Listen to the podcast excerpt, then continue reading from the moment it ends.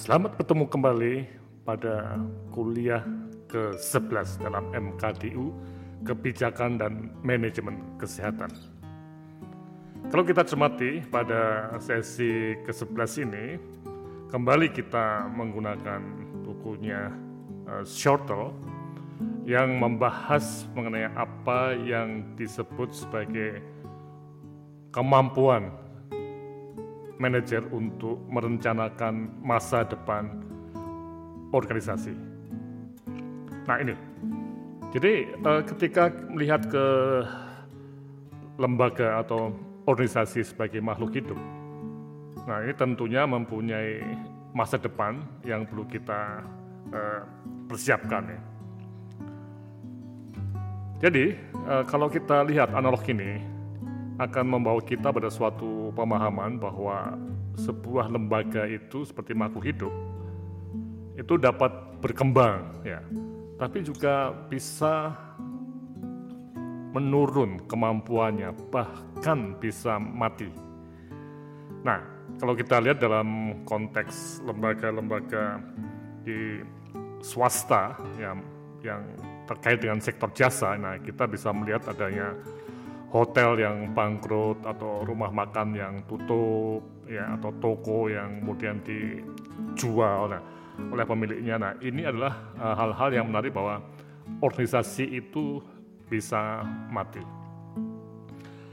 Juga lembaga-lembaga seperti rumah sakit itu juga bisa menurun kemampuannya, tapi juga ada yang terus berkembang. Nah, inilah yang menjadi isi dari apa yang kita sebut sebagai merencanakan masa depan adalah bagaimana uh, seorang manajer itu bisa mengelola secara uh, strategi. Ya, strategis itu berarti apa? Lembaga itu tidak hanya uh, bertahan, tapi juga berkembang. Nah, nih.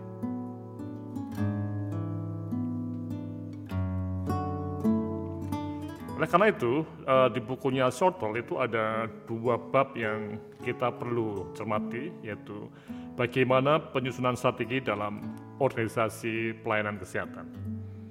Jadi strategi itu adalah suatu cara atau pemikiran atau pola kegiatan untuk tidak hanya membuat lembaga itu uh, bertahan, tapi juga berkembang.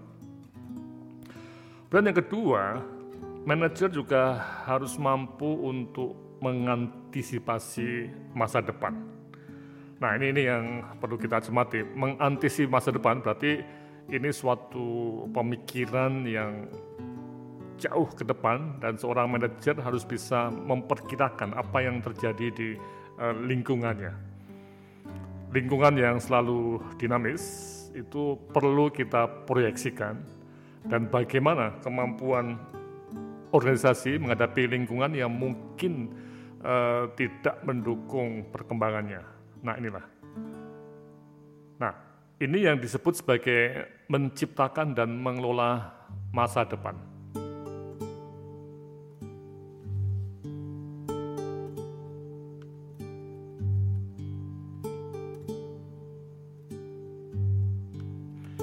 Oke, nah kita melihat di dalam uh, konteks uh, masa depan ini, kita masuk pada suatu uh, pertanyaan menarik mengenai apakah lembaga itu dapat mempengaruhi masa depannya.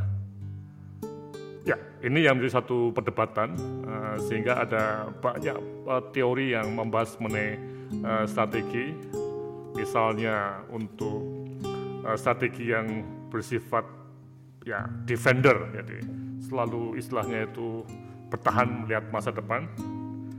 Atau yang selalu prospektor mencoba bagaimana melihat prospek di masa depan. Analisis menganalisis ataupun hanya bersifat reaktor saja. Nah, bereaksi terus. Nah oleh karena itu ketika bicara mengenai uh, bagaimana seorang manajer itu bisa menciptakan masa depan kembali pada pertanyaan menarik mengenai apakah seorang manajer itu mempunyai pemahaman mengenai kebijakan kesehatan. Di sinilah letak dari hubungan antara mikro dan makro. Jadi seorang manajer di rumah sakit sebagai gambaran yang mikro dia harus melihat ke kebijakan kesehatan yang ada di lingkungan luarnya, di ekosistemnya. Jadi keadaan masa depan itu sangat-sangat dipengaruhi oleh kebijakan saat ini. Sehingga perlu ada suatu riset, suatu analisis kebijakan. Nah, inilah yang menjadi satu inti dari hubungan antara uh, seorang manajer lembaga yang berpikir mikro atau bertindak mikro, tapi dalam konteks yang makro ini. Inilah seni untuk menciptakan masa depan. Oke, silahkan Anda uh, persiapkan uh, kuliah minggu ke-11 ini dan kita akan bertemu uh, besok pagi.